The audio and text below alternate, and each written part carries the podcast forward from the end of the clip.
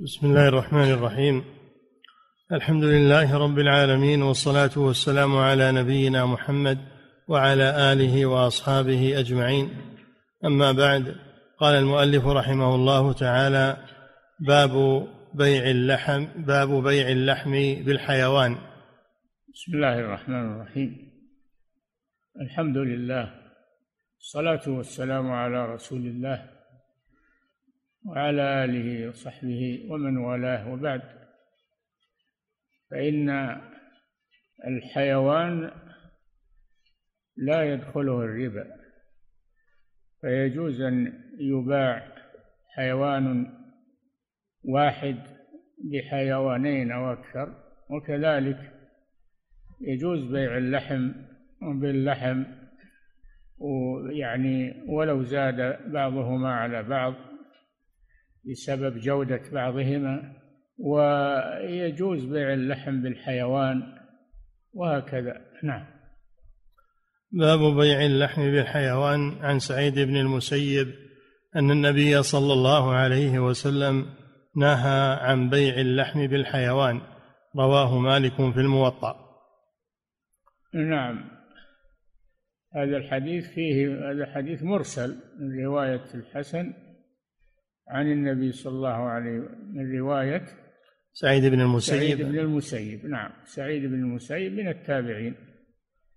عن النبي صلى الله عليه وسلم وهذا مرسل أن النبي نهى عن بيع اللحم بالحيوان. ولكن هذا مرسل يقول مراسيل سعيد إنها أقوى من غيرها. مراسيل سعيد بن المسيب أقوى من غيرها من المراسيل ويحتجون بهذا. نعم. باب جواز التفاضل والنسيئة في غير المكيل والموزون. أي نعم. جواز التفاضل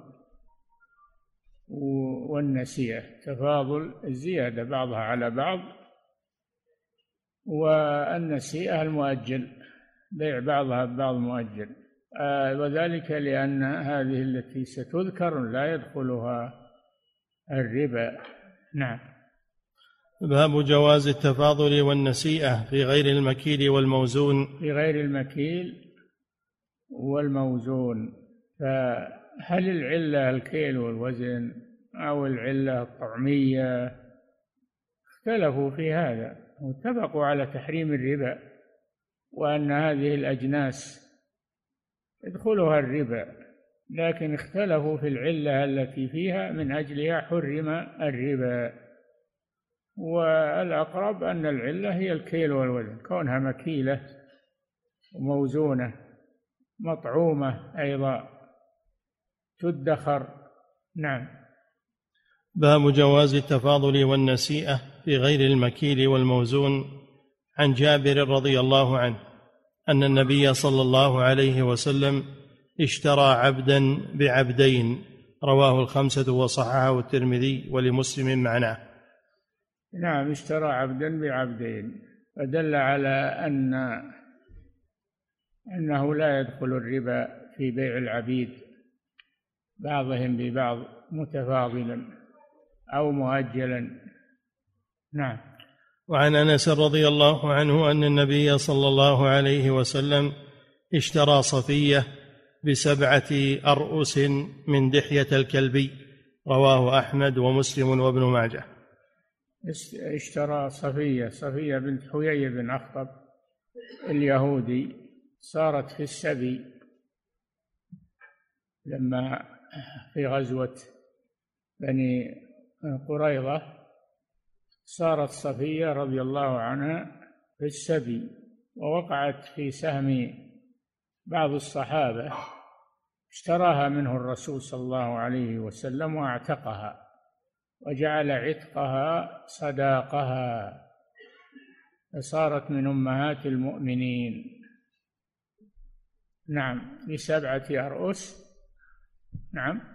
أن النبي صلى الله عليه وسلم اشترى صفية بسبعة أرؤس من دحية الكلبي. وقعت في سهم دحية الكلبي فشراها النبي صلى الله عليه وسلم منه واعتقها وجعل عتقها صداقها. صارت من أمهات المؤمنين رضي الله عنها فدل على أن الحيوان لا يدخله الربا يجوز بيع بعضه ببعض متفاضلة ويجوز أن يكون مؤجلا ولا يدخله الربا. نعم. أن النبي صلى الله عليه وسلم اشترى صفية بسبعة ارؤس من دحية الكلبي رواه أحمد ومسلم وابن ماجه. وعن عبد الله ابن عمرو رضي الله عنهما قال أمرني رسول الله صلى الله عليه وسلم أن أبعث جي أن أبعث جيشا على إبل كانت عندي. قال فحملت الناس عليها حتى نفدت الإبل وبقيت بقية من الناس. كان عند عبد الله بن عمرو إبل من الصدقة عنده إبل من إبل الصدقة. أمره النبي صلى الله عليه وسلم أن يجهز الغزو من هذه الإبل. فجهزهم ولكنها لم تتسع لكل الغزو. فجعل يشتري البعير بالبعيرين إلى أبل الصدقة. دل على أن الحيوان لا يدخله الربا. نعم.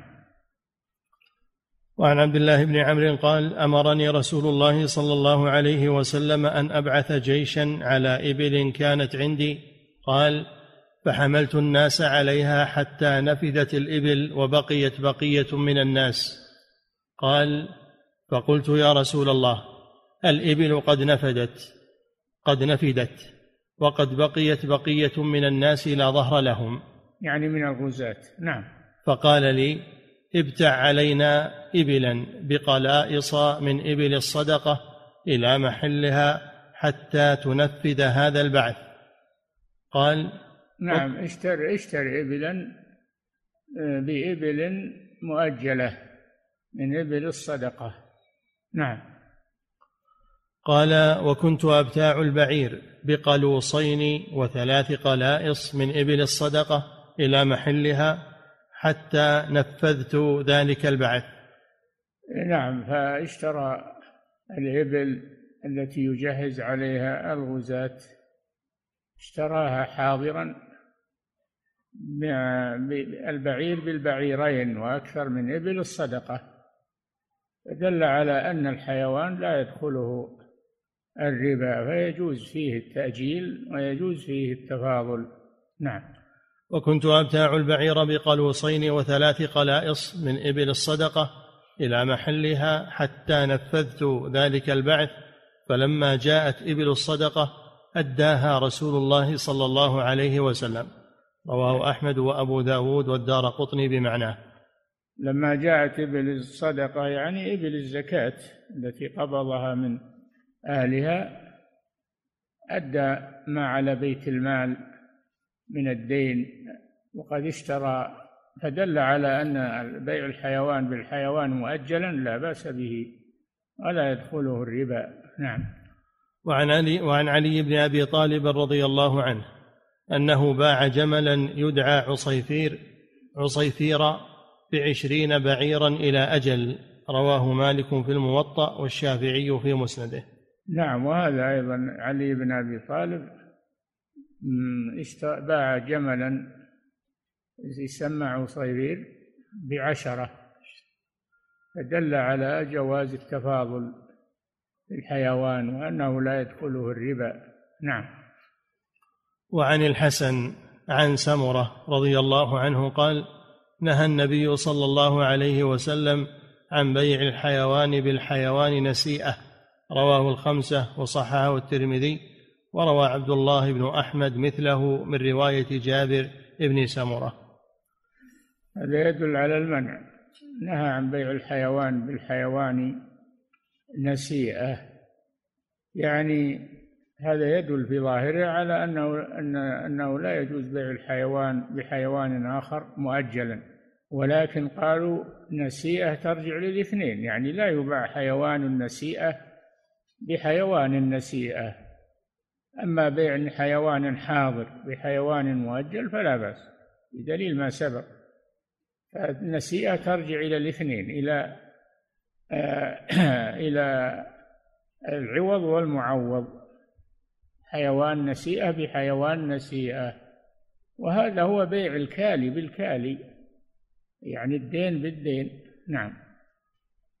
باب أن من باع سلعة بنسيئة لا يشتريها بأقل مما باعها. من باع سلعة بنسيئة يعني مؤجل بثمن مؤجل. سلعة باعها بثمن مؤجل. ثم إن مشتريها أو مستدينها أراد أن يبيع. فالذي باعها عليه مؤجلا لا يجوز له أن يشتريها منه. هذه مسألة العينة. مسألة العينة لأنه رجع عليه عين ماله. نعم. باب أن من باع سلعة بنسيئة لا يشتريها بأقل مما باعها عن أبي إسحاق. أما إذا اشتراها بمثل ما باعها أو أكثر فلا بأس. إنما إذا اشتراها بأقل مما باعها به مؤجلا هذا لا يجوز. نعم. عن أبي إسحاق السبيعي عن امرأته أنها دخلت على عائشة رضي الله عنها فدخلت معها أم ولد زيد بن أرقم فقالت يا أم المؤمنين إني بعت غلاما من زيد بن أرقم بثمانمائة درهم نسيئة وإني ابتعته منه بستمائة درهم نقدا. فقالت لها عائشة بئس ما اشتريت وبئس ما شريت. إن جهاده مع رسول الله صلى الله عليه وسلم قد بطل إلا أن يتوب. رواه الدار قطني. نعم هذه امرأة سيد بن أرقم تحكي أنها أنها أنها أني بعت غلاما من زيد بن أرقم بثمانمائة درهم نسيئة. نسيئة. نعم وابتعته يعني مؤجل. ثمانمائة درهم مؤجل. اشترت به مملوكا مؤجلا نعم. وابتعته منه بستمائة درهم نقدا. ثم اشتريت هذا الغلام بأقل مما بعته به مؤجلا. فالنبي صلى الله عليه وسلم رد هذا أو عائشة رضي الله عنها ردت هذا وقالت أخبريه أن جهاده مع النبي صلى الله عليه وسلم قد بطل. لأنه استعمل الربا. هذا تغليظ هذا تغليظ منها رضي الله عنها. فدل على أن من باع شيئا مؤجلا ثم أراد مشتريه المستدين أن يبيعه فلا يجوز أن يشتريه من باعه مؤجلا. نعم بل يبيعه على غيره. لأن كأنه باع دراهم بدراهم مؤجلة أكثر منها. فهذا ربا يكون ربا. بيع الدراهم مؤجلا بأكثر منها هذا ربا. وجعلت السلعة حيلة للربا. لا يجوز هذا. نعم. بئس ما اشتريت وبئس ما شريت. إن جهاده مع رسول الله صلى الله عليه وسلم قد بطل إلا أن يتوب. رواه الدار قطني. إن جهاده يعني زيد بن أرقم قد بطل مع النبي صلى الله عليه وسلم لأنه أكل الربا والربا محرم شديد التحريم هذا من التغليظ والزجر. نعم. باب ما جاء في بيع العينة. بيع العينة. نعم. عن ابن عمر رضي الله عنهما أن النبي صلى الله عليه وسلم قال إذا ظن الناس بالدينار والدرهم. ظن ظن الناس يعني بخلوا. ظن الناس يعني بخلوا بالدراهم. يلجأون إلى العينة وهي محرمة في آخر الزمان. نعم. وتبايعوا بالعينة. تبايعوا بالعينة. نعم. واتبعوا أذناب البقر. تبعوا أذناب البقر. إيش معناه هذا؟ قالوا معناه أنهم يتركون الجهاد في سبيل الله وركوب الخيل للجهاد ويأخذون بأذناب البقر بدل الخيل وهذا فيه ذم ذم لهم. نعم. واتبعوا أذناب البقر وتركوا الجهاد في سبيل الله. أنزل الله بهم بلاء فلا يرفعه حتى يراجعوا دينهم. نعم. لا إذا وتركوا الجهاد في سبيل الله؟ لا أعد. إذا ظن الناس بالدينار والدرهم وتبايعوا بالعينة؟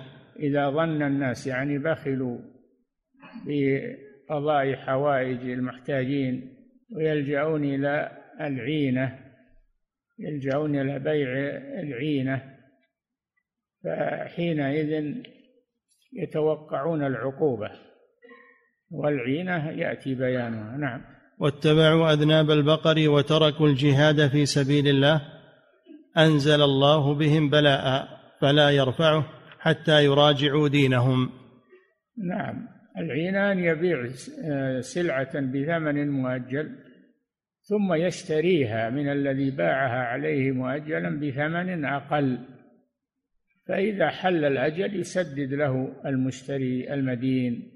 سميت عينة لأنه رجع عليه عين ماله وقيل عينة من العين وهي الذهب لأن القصد منها الحصول الحصول على العين وهي الذهب والفضة. نعم. رواه أحمد وأبو داود ولفظه إذا تبايعتم بالعينة وأخذتم أذناب البقر ورضيتم بالزرع وتركتم الجهاد. سلط الله عليكم ذلا لا ينزعه حتى ترجعوا إلى دينكم. دل على تغليظ هذا الأمر وكأنه خروج من الدين. من عمل هذا العمل فكأنه خرج من الدين. وأيضا الذل الذي يسلطه الله فدل على تحريم بيع العينة. وهي كما ذكرت لكم يبيع سلعة بثمن مؤجل ثم يشتريها من المستدين بأقل مما باعها عليه وبعضهم يفسرها بأنها بيع بيع الغائبة اللي يسمى غائبة. ولكن هذا غير وجيه. نعم. باب ما جاء في الشبهات. الشبهات يعني الأشياء التي اشتبهت التي اشتبهت فلا يدرى هل هي من الحلال أو من الحرام. قال صلى الله عليه وسلم إن الحلال بين وإن الحرام بين وبينهما أمور مشتبهات. لا يعلمهن كثير من الناس فمن اتقى الشبهات فقد استبرأ لدينه وعرضه ومن وقع في الشبهات وقع في الحرام. كالراعي يرعى حول الحمى يوشك أن يقع فيه ألا وإن حمى الله محارمه. فالإنسان يتجنب الأمور المشتبهة التي لا يدرى هل هي من الحلال أو هي من الحرام يتجنبها. ويأخذ الحلال البين ويتجنب الحرام آه، البين والحرام المشتبه. نعم. باب احتياطا. يتجنب المشتبهات احتياطا. نعم. باب ما جاء في الشبهات عن النعمان بن بشير رضي الله عنهما. أن النبي صلى الله عليه وسلم قال الحلال بين والحرام بين وبينهما أمور مشتبهة. الحلال بين والحرام بين فالحلال البين هو ما قام الدليل على حله. الحرام البين هو ما قام الدليل على تحريمه. وهناك أمور تتجاذب فيها الأدلة فلا يدرى هل هي من الحلال أو من الحرام. هذه تترك احتياطا ويؤخذ الحلال البين. نعم. وبينهما أمور مشتبهة فمن ترك ما يشبه عليه من الإثم كان لما استبان أترك. نعم. ومن اجترأ على ما يشك فيه من الإثم أوشك أن يواقع ما استبان. أي نعم. فالأشياء التي فيها اشتباه اختلاف بين العلماء هل هي حلال ولا حرام؟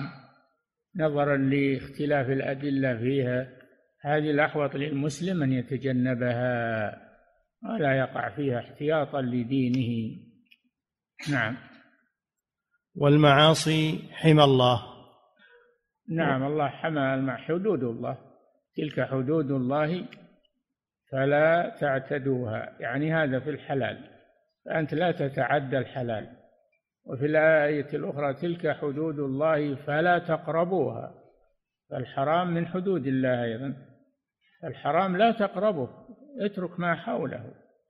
وأما الحلال فأنت لا لا تعتد لا تتعداه نعم.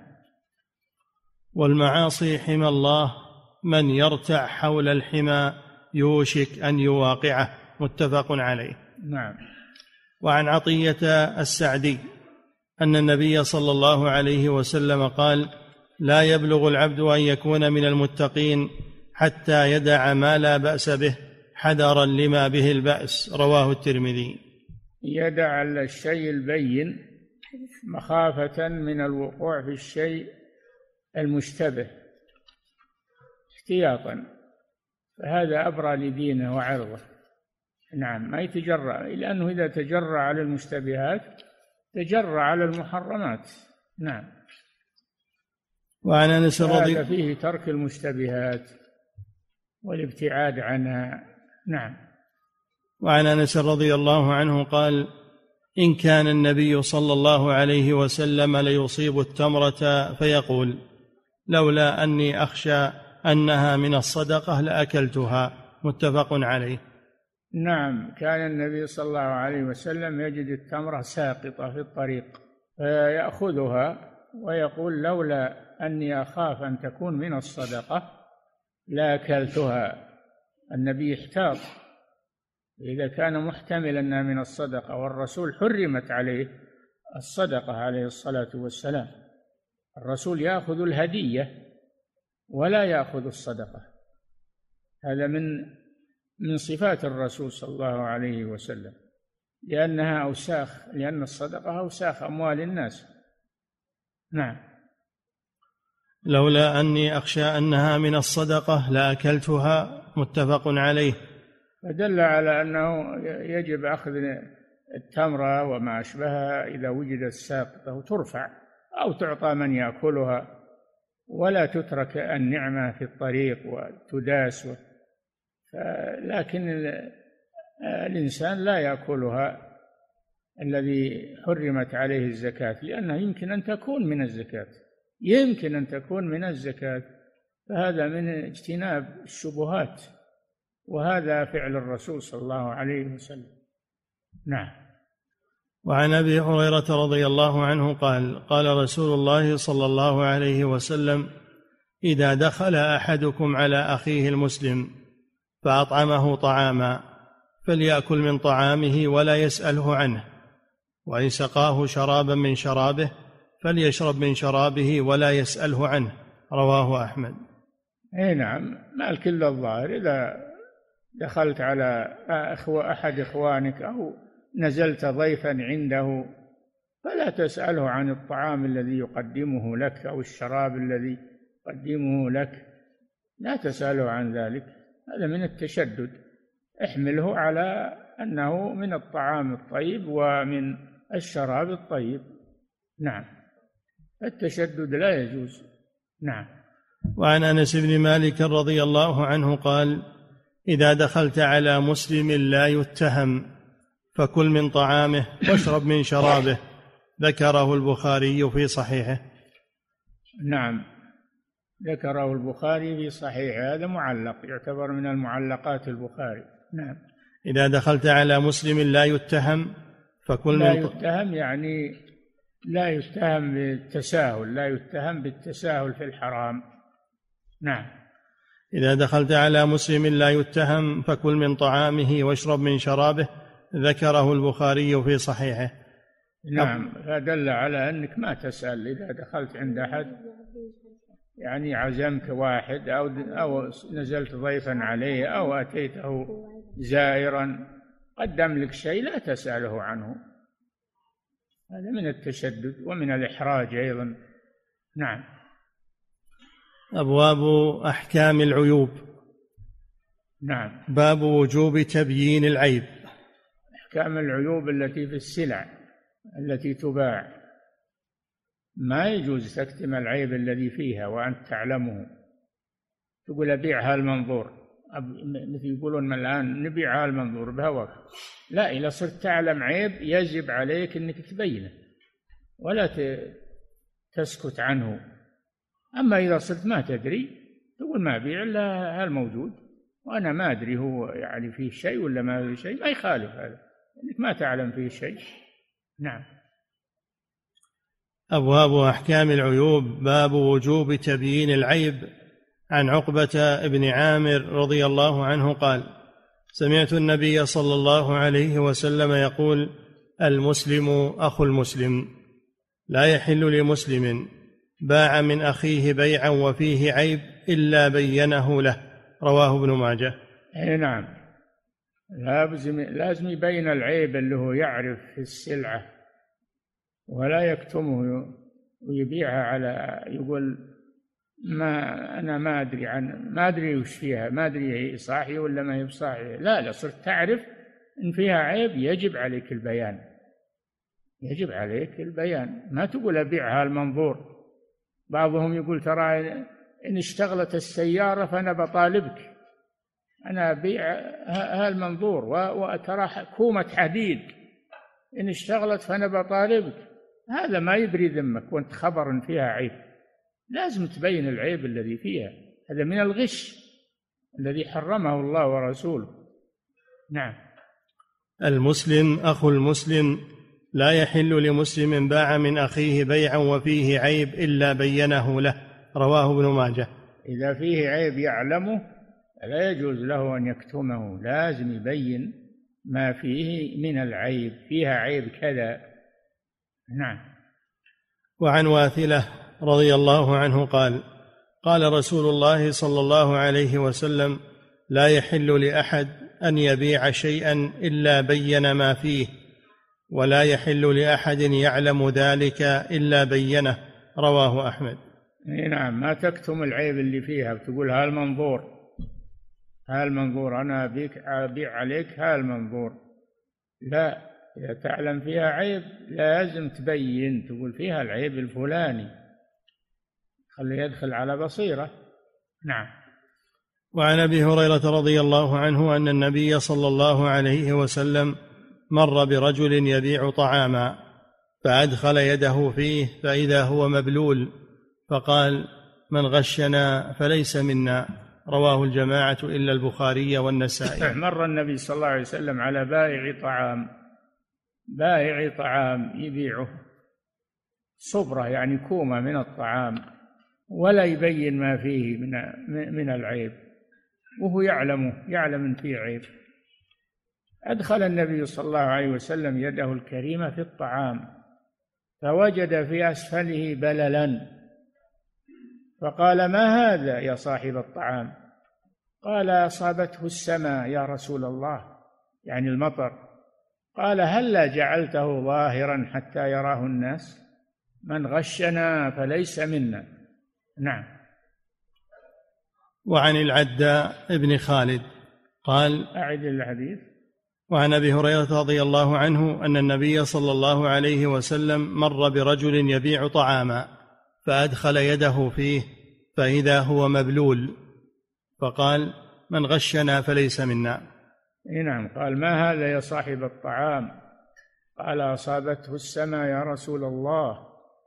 قال هلا جعلته ظاهرا حتى يراه الناس. من غشنا فليس منا. هذا وعيد شديد على من يكتم العيوب في السلع ولا يبينها للمشترين. ويقول أبيعها المنظور تبيعها المنظور وأنت تعلم فيه عيب لازم تبينه. نعم. وعن العداء ابن خالد قال كتب لي رسول الله صلى الله عليه وسلم كتابا. هذا ما اشترى العداء بن خالد ابن هودة من محمد رسول الله. اشترى منه عبدا أو أمة لا داء ولا غائلة ولا خبثة بيع المسلم المسلم. رواه ابن ماجه والترمذي. هذا كتاب الرسول بالعقد الذي عقده لهذا الصحابي لما باع عليه سلعة نفى العيوب التي فيها لأن ما فيها عيوب يعلمها. نعم. اشترى منه عبدا أو أمة لا داء ولا غائلة ولا خبثة بيع المسلم المسلم رواه ابن ماجه والترمذي. المسلم لا يرضى أنه يبيع عليه أنه يبيع على أخيه المسلم شيئا فيه عيب ولا يبينه. فيه عيب يعلمه ولا يبينه. لا يجوز هذا في خلق المسلم مع أخيه المسلم. لازم من البيان والصدق في هذا. نعم. باب أن الكسب الحادث لا يمنع الرد بالعيب. نعم. باب أن الكسب الحادث لا يمنع الرد بالعيب. إيه نعم إذا اشترى سلعة والسلعة هذه أنتجت أنتجت شيئا يعني من من الغلة أنتجت شيئا من الغلة فأخذها المشتري. ثم وجد في السلعة عيبا فهذا لا يسقط الخيار له الخيار خيار العيب. إذا تبين. نعم.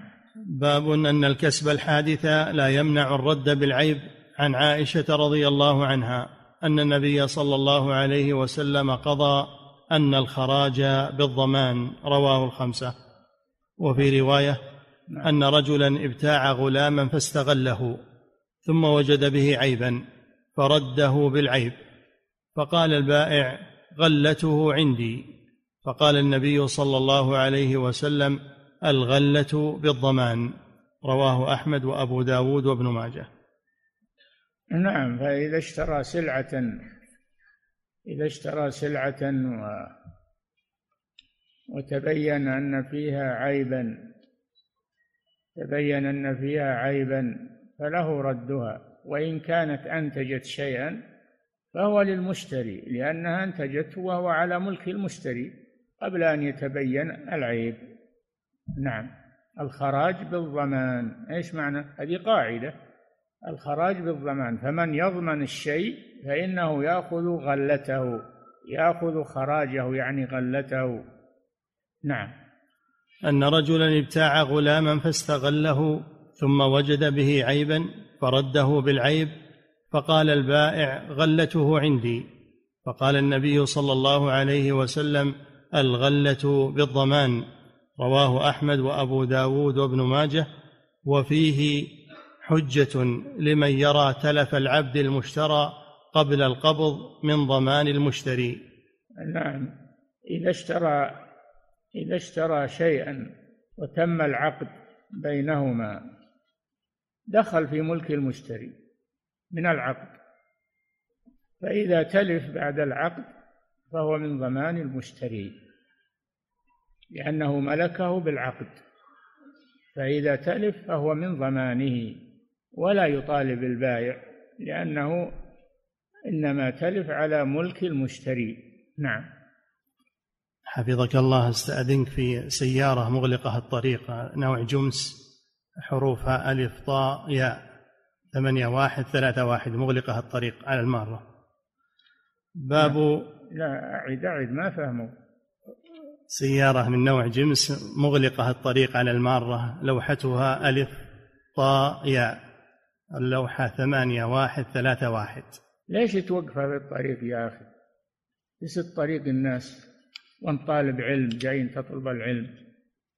ما يليق هذا بإنسان يسد الطرق على الناس. نعم. باب ما جاء في المصراه ما جاء في المصرات. إيش المصرات؟ المصرات هي التي يترك حلبها في ضرعها ثم تباع. ثم إذا اشتراها المشتري حلبها وجد فيها لبنا كثيرا ففرح بذلك. يظن أن هذا در درها وهو في الحقيقة مجتمع من تصرية أنه ما حلبها مدة طويلة. فإذا تبين هذا فهذا عيب فللمشتري الخيار. نعم. باب ما جاء في المصراه عن أبي هريرة رضي الله عنه أن النبي صلى الله عليه وسلم قال لا تصروا الإبل والغنم. فمن لا تصروا الإبل والغنم عند بيعها احلبوها لئلا يظن المشتري إن هذا الحليب الكثير إن هذا شأنها وفيها حليب كثير وهو مجتمع من عدة أيام. هذا غش. فيجب عليك البيان في هذا. نعم. لا تصر الإبل والغنم فمن ابتاعها بعد ذلك فهو بخير النظرين بعد أن يحلبها. الرضية إذا حلبها وأخذ حليبا كثيرا لأنه مجتمع من عدة أيام ثم حلبها بعد ذلك وتبين أن الحليب ما هو بطبيعتها. هذا لأنها ما حلبت من أيام. هذه المصرات هذا غش فيكون المشتري بالخيار. إن شاء أمضاها وإن شاء وإن شاء ردها بالعيب. نعم. فهو بخير النظرين بعد أن يحلبها إن رضيها أمسكها. وإن سخطها ردها وصاعا من تمر. متفق عليه. ردها ورد معها صاعا من تمر. هذا مشكل عند العلماء. الصاع الصاع هذا بعضهم يقول إنها في مقابل اللبن اللي أخذ منها. الصاع من التمر هذا في مقابل اللبن الذي أخذه منها إذا ردها. نعم. وإن سخطها ردها وصاعا من تمر متفق عليه وللبخاري وأبي داود من اشترى غنما مصرات فاحتلبها فإن رضيها أمسكها وإن سخطها ففي حلبتها صاع من تمر. في حلبتها هذا يبين الحديث الذي قبله ردها وصاعا من تمر يعني الصاع مقابل الحليب الذي أخذه. نعم. وإن سخطها ففي حلبتها صاع من تمر وهو دليل على أن صاع التمر في مقابلة اللبن. آه دليل على هذا. أزال الإشكال الذي عند العلماء أن صاع التمر في مقابل الحليب الذي أخذه منها. نعم. وهو دليل على أن صاع التمر في مقابلة اللبن وإن أخذ قسطا من الثمن. نعم. وفي رواية إذا ما اشترى أحدكم لقحة مصراة. لقحة. إذا ما اشترى أحدكم لقحة مصرة أو يعني شاة محبوس فيها حليبها. نعم. أو شاة مصرة فهو بخير النظرين بعد أن يحلبها. إما هي وإلا فليردها وصاعا من تمر. رواه مسلم. يردها وصاع يردها بالعيب. ويرد معها صاعا من تمر في مقابل اللبن الذي حلبه منها. نعم. فهو بخير النظرين بعد أن يحلبها إما هي وإلا فليردها وصاعا من تمر رواه مسلم وهو دليل على أنه يمسك بغير أرش. نعم. وفي رواية من اشترى مصرات على أن المشتري إن رغب فيها يأخذها بدون إنه يطلب من البائع الأرش يعني نقص العير نعم. وفي رواية من اشترى مصرات فهو منها بالخيار ثلاثة أيام إن شاء أمسكها وإن شاء ردها ومعها صاعا من تمر لا سمراء. رواه الجماعة رواه الجماعة إلا البخاري. لا سمرة يعني لا حنطة. السمرة هي الحنطة. نعم. بل هو تمر. وهذا لايق مع مع بدل الحليب لأن لأنه مغذي التمر مغذي والحليب مغذي التمر حلو والحليب حلو. نعم. من اشترى مصرات فهو منها بالخيار ثلاثة أيام إن شاء أمسكها وإن شاء ردها وما ثلاثة أيام لأجل يتثبت إنها مصرات. فإذا تثبت إنها مصرات فهو بالخيار. إن شاء ردها مجانا وإن شاء أمسكها وصبر على العيب. نعم. وعن أبي عثمان النهدي قال قال عبد الله من اشترى محفلة فردها فليرد معها صاعا. المحفلة هي المصرات. محفلة يعني متروكة متروك اللبن في ضرعها حتى يتجمع من عدة أيام. نعم. من اشترى محفلة فردها فليرد معها صاعا رواه البخاري والبرقاني على شرطه وزاد. البرقاني بأ رواه البخاري والبرقاني على شرطه وزاد من تمر. صاعا من تمر. يعني يرد معها صاعا من تمر بدل الحليب الذي أخذه منها واستفاد منه. نعم. باب النهي عن التسعير. النهي عن التسعير تحديد السلع ما تباع إلا بسعر محدد. هذا لا يجوز. دعوا الناس يرزق الله بعضهم من بعض والسعر بيد الله سبحانه وتعالى. هو الذي هو الذي يخفض الأسعار ويزيد الأسعار بقضائه وقدره وحكمته سبحانه وتعالى. فلا يجوز للسلطان إنه يسعر على الناس إنه يسعر على الناس آه، الأشياء يقول لا تبيعوا إلا بهالسعر. هذا هذا تبع السوق يزيد يرتفع وينخفض ما ما يتدخل فيه السلطان. إلا في الأشياء الضرورية للقوت أقوات الناس. فإنه يسعرها بأن يقول يبيعها مثل ما يبيع الناس مثل ما تسوى بالسوق. نعم. باب النهي عن التسعير. عن أنس رضي الله عنه قال غلى السعر على عهد رسول الله صلى الله عليه وسلم. غلى غلى السعر يعني زاد السعر. نعم. فقالوا يا رسول الله لو سعرت؟ فقال إن الله هو القابض الباسط الرازق الرزاق المسعر. المسعر ليس من أسماء الله عز وجل وإنما هو المسعر يعني هو الذي يقدر زيادة السعر أو أو نقص السعر. هذا من عند الله سبحانه وتعالى. فلا دخل للسلطان في هذا. نعم.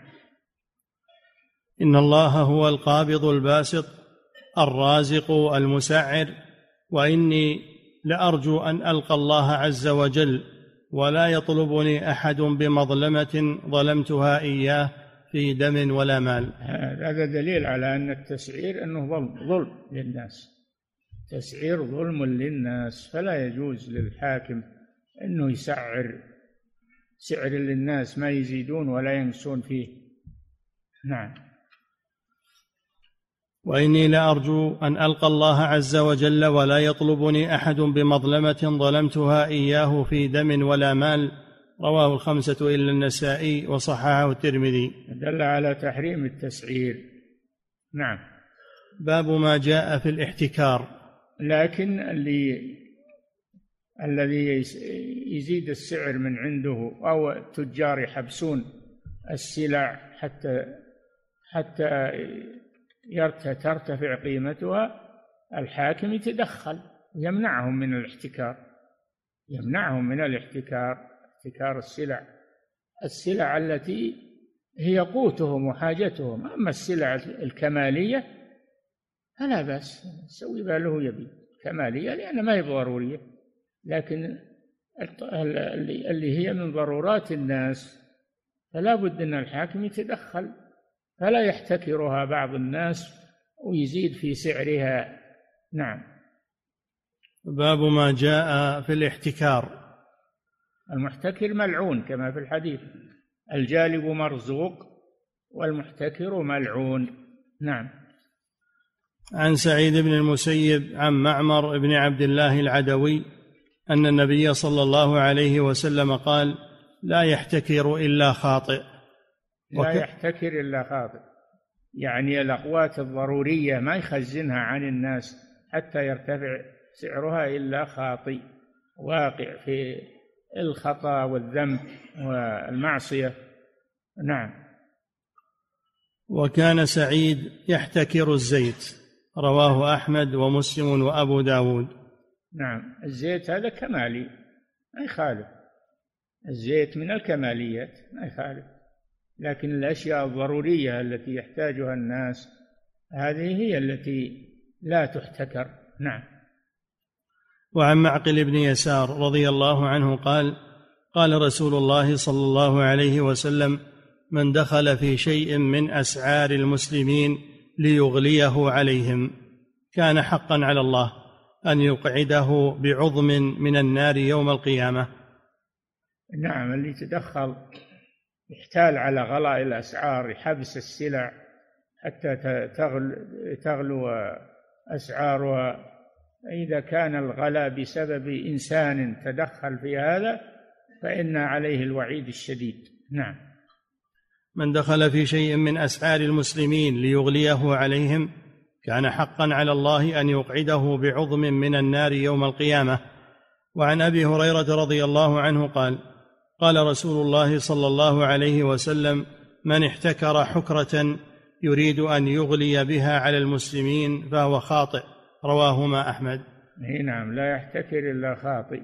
والاحتكار عرفناه أنه في الأشياء التي هي ضرورية للناس. أما الكماليات لا بأس أنه يخزنها عنده. لأن الناس ما ما يضطرون إليها. نعم. وعن عمر رضي الله عنه قال سمعت النبي صلى الله عليه وسلم يقول من احتكر على المسلمين طعامهم ضربه الله بالجذام والإفلاس. رواه ابن ماجه. وهذا وعيد شديد يعني تنوعت أنواع الوعيد في حق المحتكرين لأقوات الناس وضروراتهم. نعم. من احتكر على المسلمين طعامهم ضربه الله بالجذام والإفلاس. رواه ابن ماجه. الجذام هو سقوط بعض الأعضاء والعياذ بالله. سقوط بعض الأعضاء هذا الجذام نعم. والإفلاس يعني أنه هو يريد الزيادة ويريد التجارة والله يضربه بالإفلاس والفقر. نعم. عكس ما يريد. نعم. باب النهي عن كسر سكة المسلمين إلا من بأس. نقف عند هذا. نعم.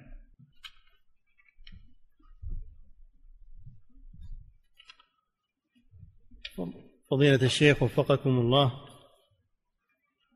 هذا سائل يقول ما حكم بيع الفيز فيز السائق وغيرها؟ إذا استقدمت سائقا فإني أبيعه على شخص آخر وأحسب التكاليف التي خسرتها. هل يجوز مثل هذا البيع؟ لا أنت مستقدمه ليشتغل عندك.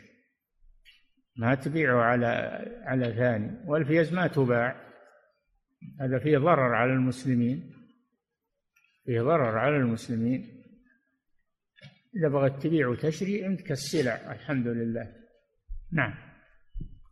فضيلة الشيخ وفقكم الله الرسول صلى الله عليه وسلم اشترى صفية بسبعة أرؤس من دحية الكلبي هل يعني ذلك سبعة عبيد؟ سبعة إيش؟ عبيد. أي نعم. أرؤس يعني عبيد. نعم. فضيلة الشيخ وفقكم الله هذا سائل يقول إذا اشتريت من محل بعض الأغراض ولم يكن عند البائع صرف ليرجع الباقي لي من القيمة فهل يجوز تأجيل الباقي وأخذه فيما بعد؟ تأجيل الباقي؟ لا هذا صرف. هذا صرف ما يجوز تأجيل فيه. فتؤجل السداد إلى أن تأتي بالقيمة. نعم. فضيلة الشيخ وفقكم الله هذا سائل يقول ما العلة أن الحيوان واللحم لا يدخل فيه الربا مع أنه مطعوم وموزون؟ ما هو من الأطعمة الضرورية؟ اللحم ما هو من الأطعمة الضرورية من الكماليات. نعم. فضيلة الشيخ وفقكم الله هذا سائل يقول يذكر الإمام الشوكاني رحمه الله في نيل الأوطار يذكر دائما الإمام يحيى وقال الإمام يحيى فمن المقصود به؟ الإمام يحيى من الزيدية من أئمة الزيدية في اليمن إن الشوكاني رحمه الله من اليمن. نعم. فضيلة الشيخ وفقكم الله. هذا سائل يقول أخي قد اشترى سيارة عن طريق التاجير المنتهي بالتمليك. ويريد مني أن أساعده على تسديد الأقساط لهذه المعاملة فهل يجوز لي أن أساعده في ذلك؟ إذا كان إنه وقع في هذا الدين وحاصره صاحب السيارة ساعده لأنه تورط. لكن تقول له المرة الثانية لا لا تشتري بهذا بهذا العقد. نعم. فضيلة الشيخ وفقكم الله. هذا سائل يقول هل الربا يبطل جميع الأعمال الصالحة استدلالا بما ورد في حديث عائشة رضي الله عنها قد بطل جهاده مع رسول الله صلى الله عليه وسلم؟ لا هذا من باب من باب التشديد عليه ولا ما ما يبطل الجهاد بأكل الربا ولا الأعمال الصالحة. لكن الربا جريمة كبير من كبائر الذنوب. ولكنه لا يبطل الأعمال. اللي يبطل الأعمال هو الشرك. ما يبطل الأعمال إلا الشرك. ولقد أوحي إليك وإلى الذين من قبلك لئن أشركت ليحبطن عملك ولتكونن من الخاسرين. ما عدا الشرك من الذنوب فلا يبطل الأعمال وإن كان كبيرة. نعم.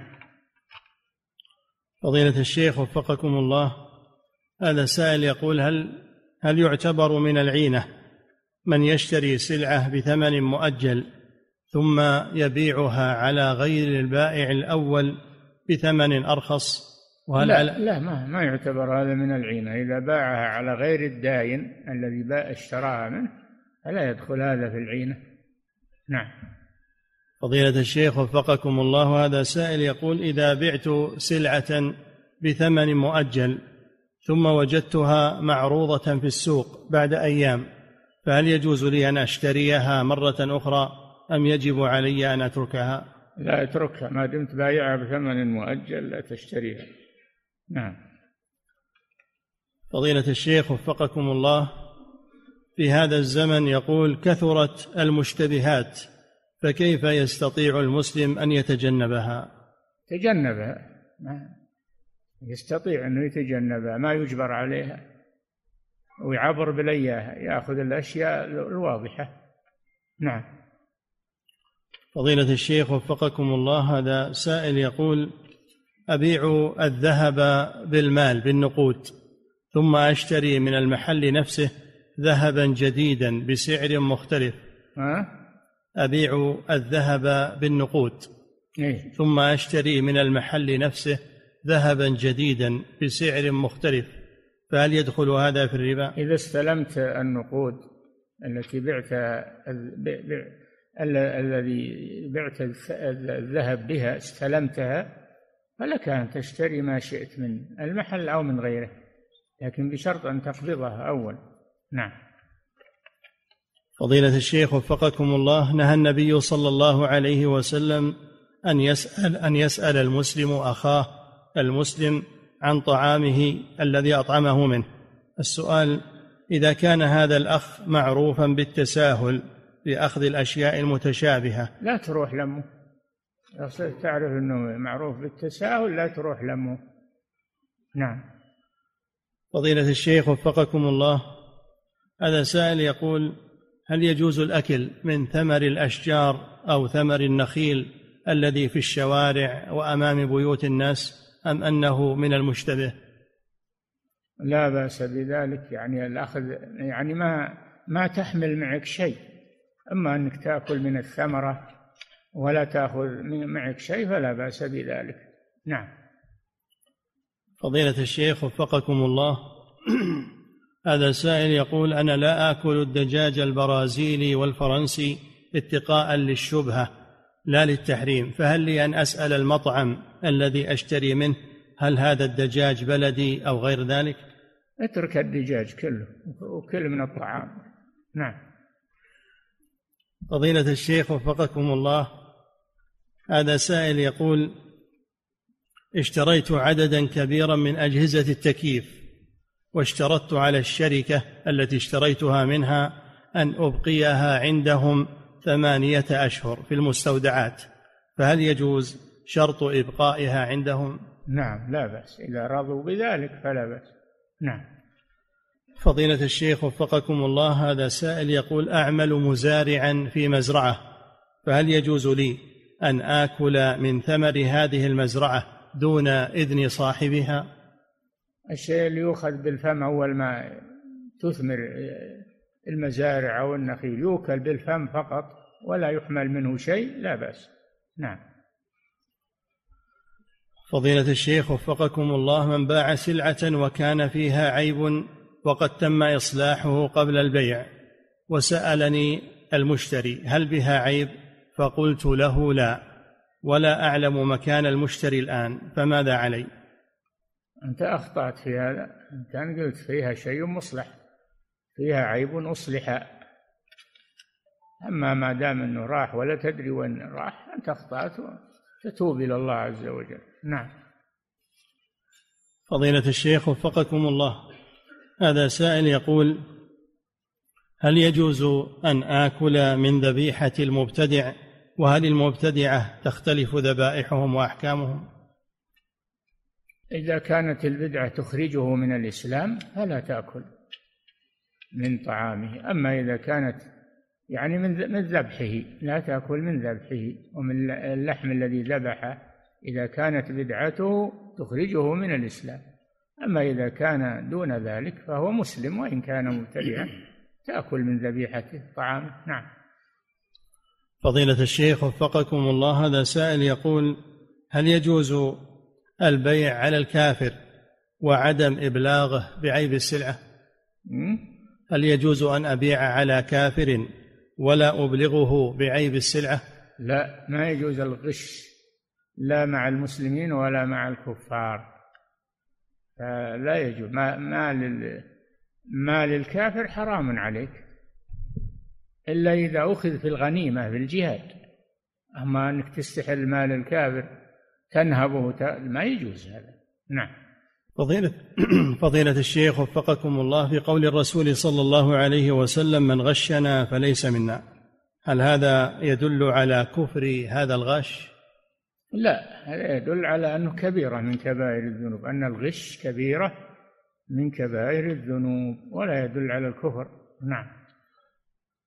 فضيلة الشيخ وفقكم الله هذا سائل يقول بعض الناس يقوم بإخفاء وتخزين الدولارات في البيت حتى يرتفع سعرها ثم يقوم ببيعها بعد ذلك فهل هذا حرام؟ لا ليس حراما. هذا ليس حراما نعم. وكذلك حفظك الله سائل آخر يقول هل يجوز الاحتفاظ بالذهب والفضة في البيت حتى يرتفع سعرها ثم نقوم بعد ذلك ببيعها؟ مثل السؤال اللي قبل. لا بأس بذلك. هذا مالك تصرف فيه. نعم. فضيلة الشيخ وفقكم الله هذا سائل يقول إذا رأى الحاكم أن الأسعار لا تناسب الناس فهل له أن يحدد الأسعار ويسعر على التجار خوفا على الفقراء؟ لا ما يتدخل بالسعر. ما يتدخل بالسعر إلا أنه يمنع الزيادة التي غير مألوفة. أما الزيادة المألوفة والجارية ما يمنع هذا سوق يزيد ويرتفع وينخفض والمسعر هو الله سبحانه وتعالى. نعم. فضيلة الشيخ وفقكم الله هذا السائل يقول إذا كنت أعلم عيبا في سلعة لشخص آخر فهل يجب علي أن أبينها للمشتري إذا حضرت البيعة ولم يتفطن لها المشتري؟ فقول أقول له انظر إلى هذا العيب. قل للبائع انصح البائع قل بين للمشتري ما فيها من العيب. انصح البائع نعم. فضيلة الشيخ وفقكم الله هذا سائل يقول بالنسبة للذي يريد أن يبيع شيئا وفيه عيب وقال للمشتري خذ السلعة وافحصها عند من شئت إن رضيتها فخذها وإلا فردها. ما يجوز هذا ما دام يعلم فيها عيب لازم يبين له لازم ما يكتم العيب. نعم. فضيلة الشيخ وفقكم الله هذا سائل يقول ما الجمع بين قول إن ترك المشتبهات هو من باب الاحتياط وبين قول الرسول صلى الله عليه وسلم ومن وقع في الشبهات وقع في الحرام. يعني إنه يقع في الحرام فيما بعد مو يقع في الحرام مجرد ما يأخذ شيء مشتبه على طول لا إنه يتجرأ فيما بعد ويقع في الحرام. نعم. فضيلة الشيخ وفقكم الله هذا سائل يقول العيب اليسير الذي يتجاوز عنه الناس فهل لا بد من بيانه عند البيع؟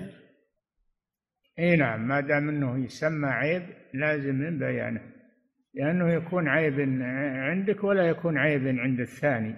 نعم. فضيلة الشيخ وفقكم الله هذا سائل يقول بالنسبة للمصرات لو وجدت هذه المسألة الآن فهل يرد صاعا من تمر أم يقومه ويدفع ثمن الحليب للبائع؟ يعمل بالحديث يعمل بالحديث. يرده صاعا من تمر. نعم. فضيلة الشيخ وفقكم الله هذا سائل يقول استأجرت بيتا جديدا وبسعر مناسب ولكن أصبح لي جيران يزعجونني بالأغاني والموسيقى. فهل أخرج من هذا البيت ويعتبر هذا الأمر عيبا؟ هذا منكر. تطلب من الهيئة أن تزيله هيئة الأمر بالمعروف والنهي عن المنكر. اللي يرفعون أصوات المعازف والمزامير هذا يجب منعهم من ذلك. ويزعجون الجيران ويأثمونهم. ما يجوز هذا. نعم. فضيلة الشيخ وفقكم الله هذا سائل يقول اشترى رجل بقرة ووضعت مولودا وبعد ذلك تبين أن فيها عيبا فرددتها على البائع فهل يجوز لي أن أحتفظ بهذا المولود؟ نعم هذا من حقك لأنه ولد على ملكك نعم فضيلة الشيخ وفقكم الله هذا سائل يقول هل يجوز مبادلة بهيمة الأنعام متفاضلة؟ لا بأس بذلك كان صلى الله عليه وسلم أمر ابن عمرو عبد الله بن عمرو أن يأخذ البعير بالبعيرين إلى إبل الصدقة. نعم.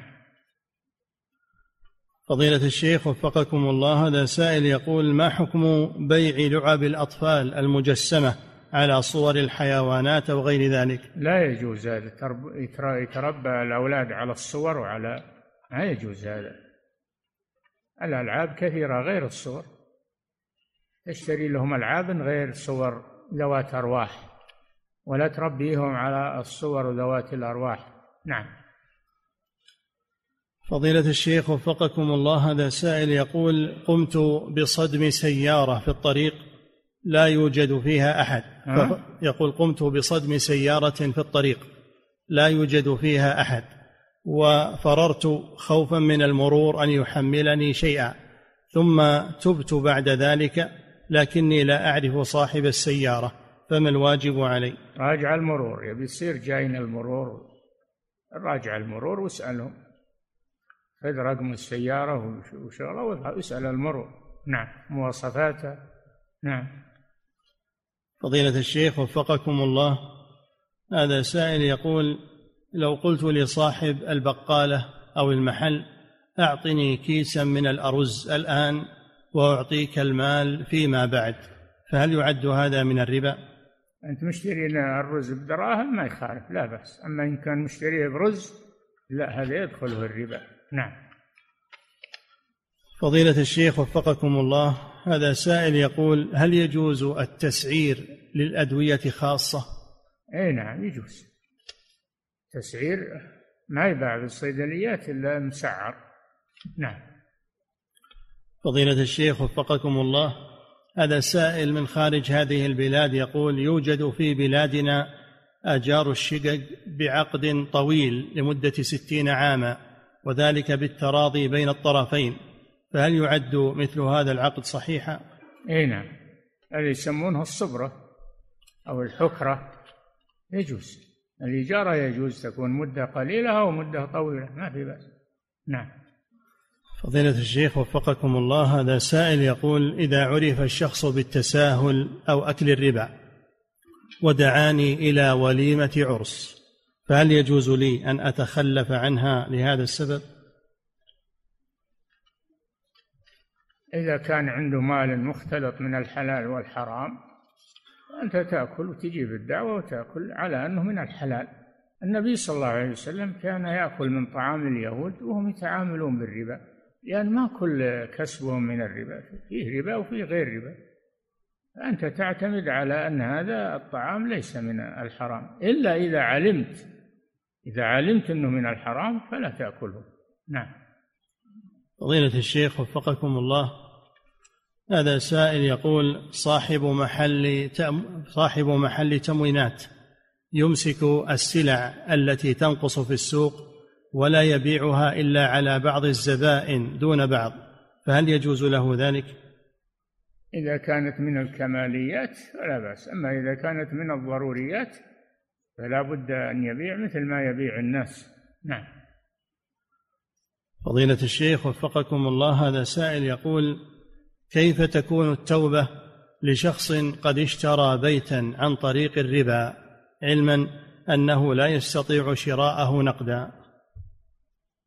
هذا يكتب سؤاله للإفتاء ويشاف سؤال موضوع سؤال. نعم.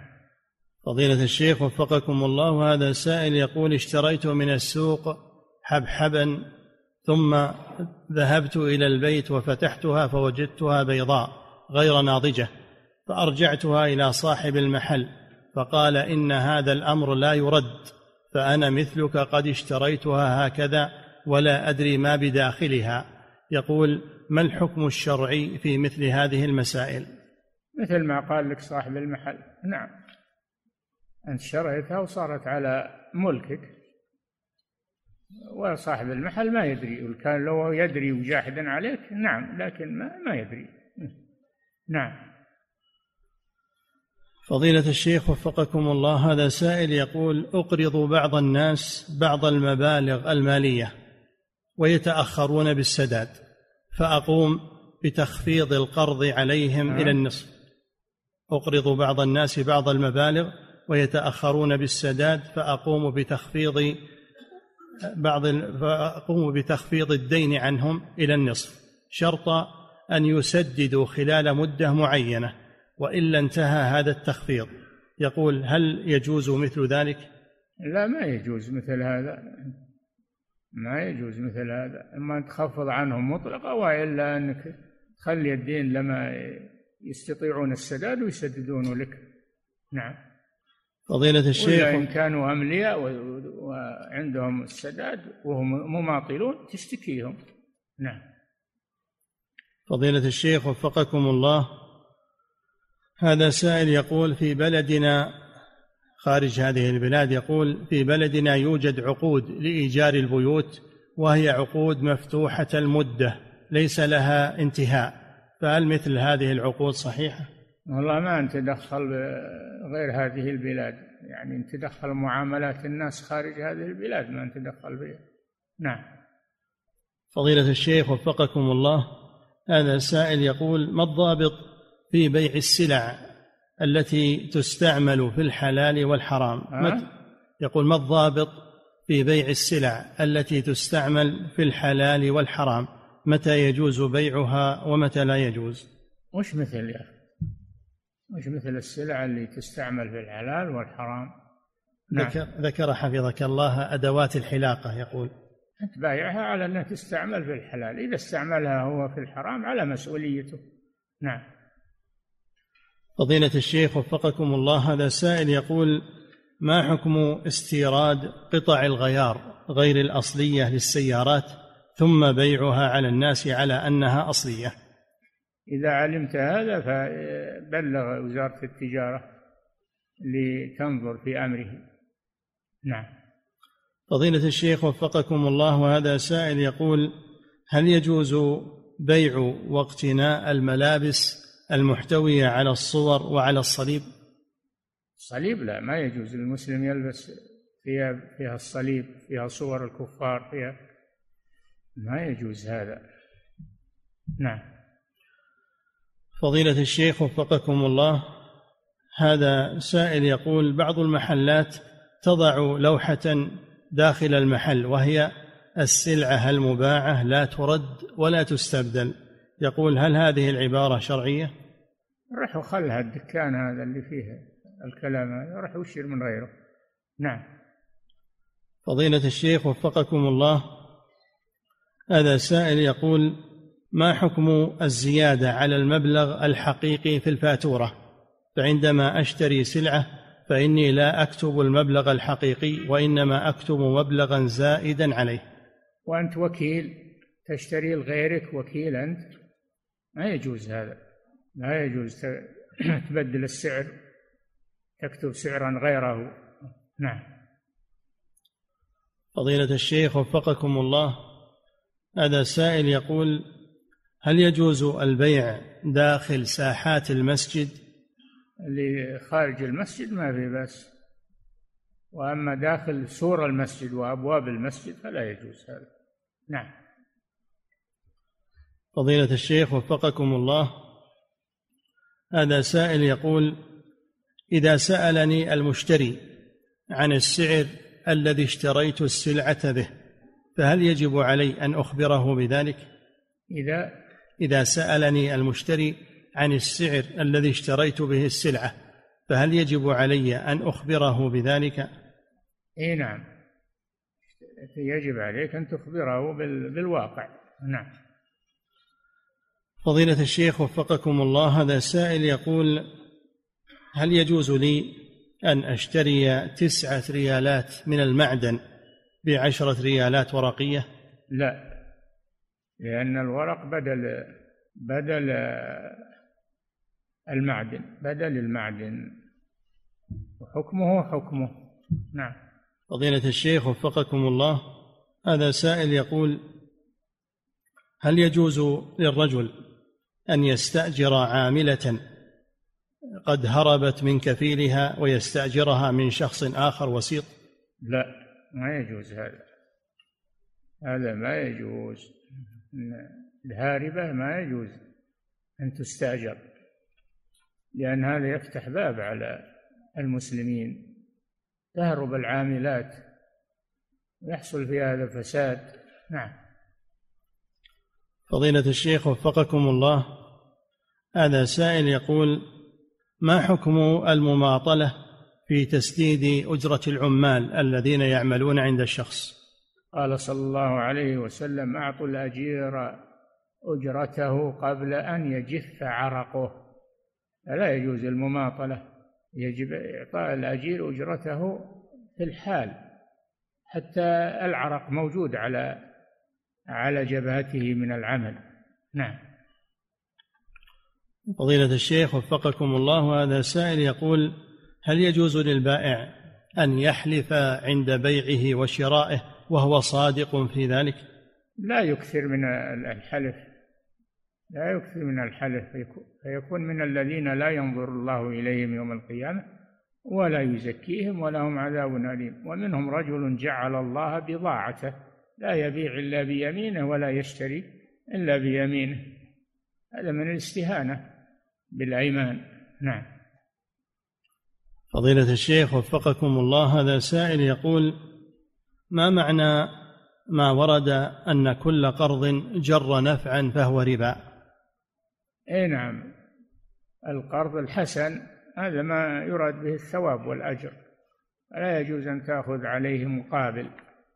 منفعه يعطيك سيارة ترسبه تشيل عليه أو يحملك من محل إلى محل علشان القرض. ما يجوز هذا. نعم.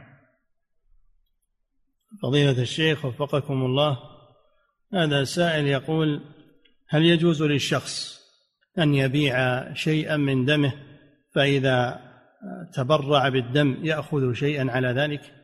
لا ما يجوز. يأخذ ثمنا للدم. الدم حرام. الدم حرام.